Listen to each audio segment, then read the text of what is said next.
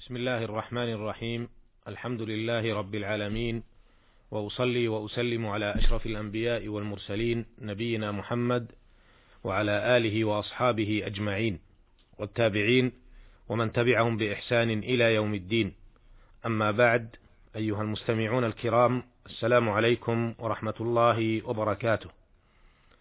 تحدثنا في الحلقة السابقة عما رواه البخاري وغيره عن عبد الله بن عمر رضي الله عنهما أن رسول الله صلى الله عليه وسلم قال: من جاء منكم الجمعة فليغتسل، وعرفنا ما في هذا الحديث العظيم من حكم وأسرار وأحكام، وقفنا معها بعض الوقفات.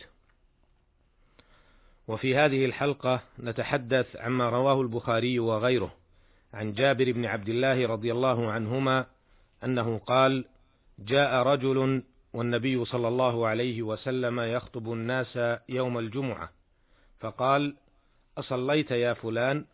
قال لا. قال قم فاركع ركعتين. وعما رواه الشيخان عن عبد الله بن عمر رضي الله عنهما أنه قال كان رسول الله صلى الله عليه وسلم يخطب خطبتين وهو قائم يفصل بينهما بجلوس.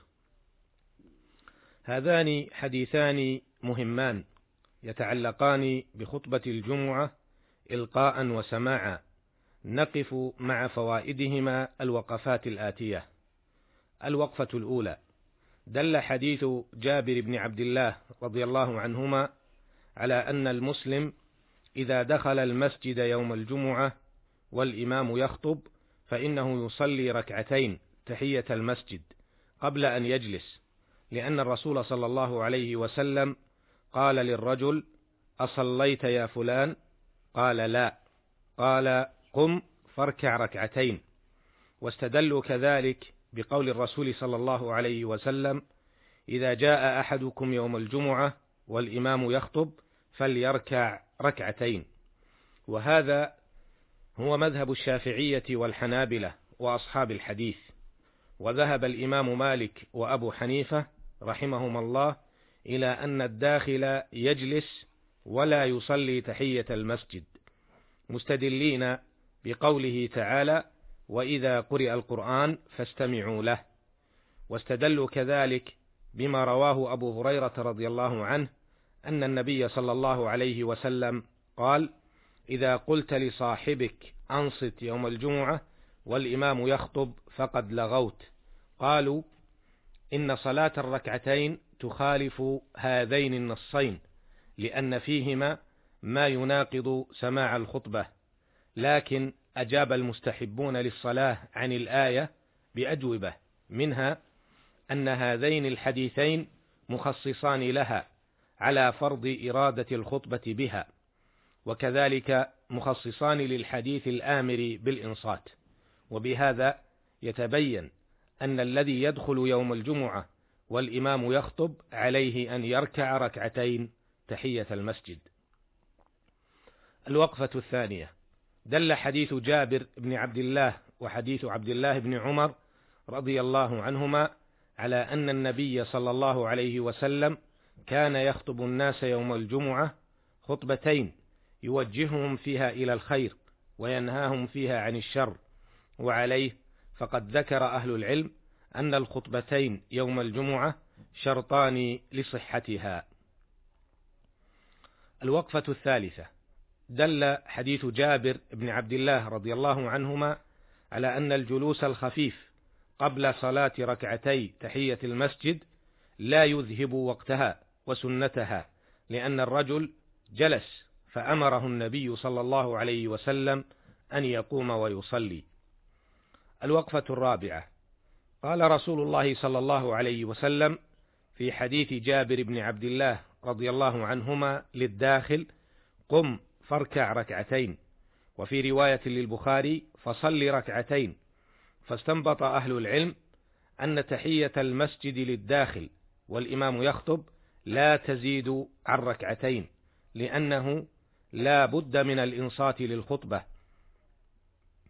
كما استدل بهذا اللفظ على جواز الكلام حال الخطبة للخطيب ومن يخاطبه لأن الأصل أن المستمع للخطبة لا يتكلم والإمام يخطب.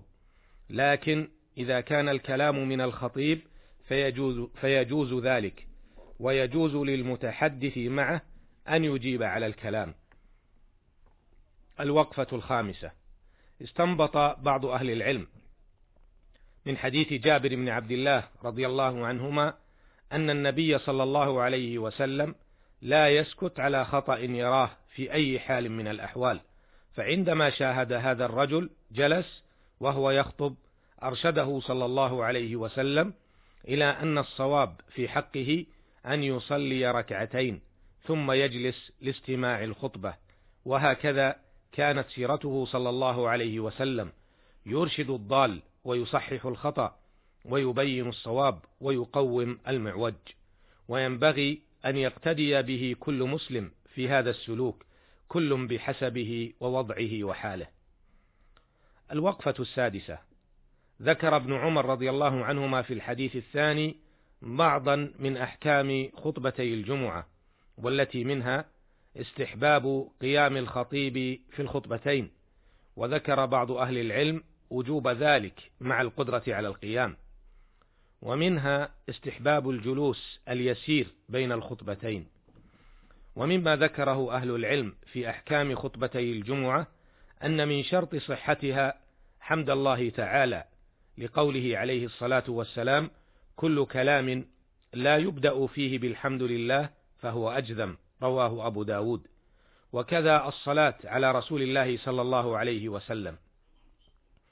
ومن أحكامهما أيضا قراءة آية كاملة لما روى مسلم رحمه الله عن جابر بن سمرة رضي الله عنه أنه قال كان رسول الله صلى الله عليه وسلم يقرأ آية ويذكر الناس وكذا الوصية بتقوى الله تعالى.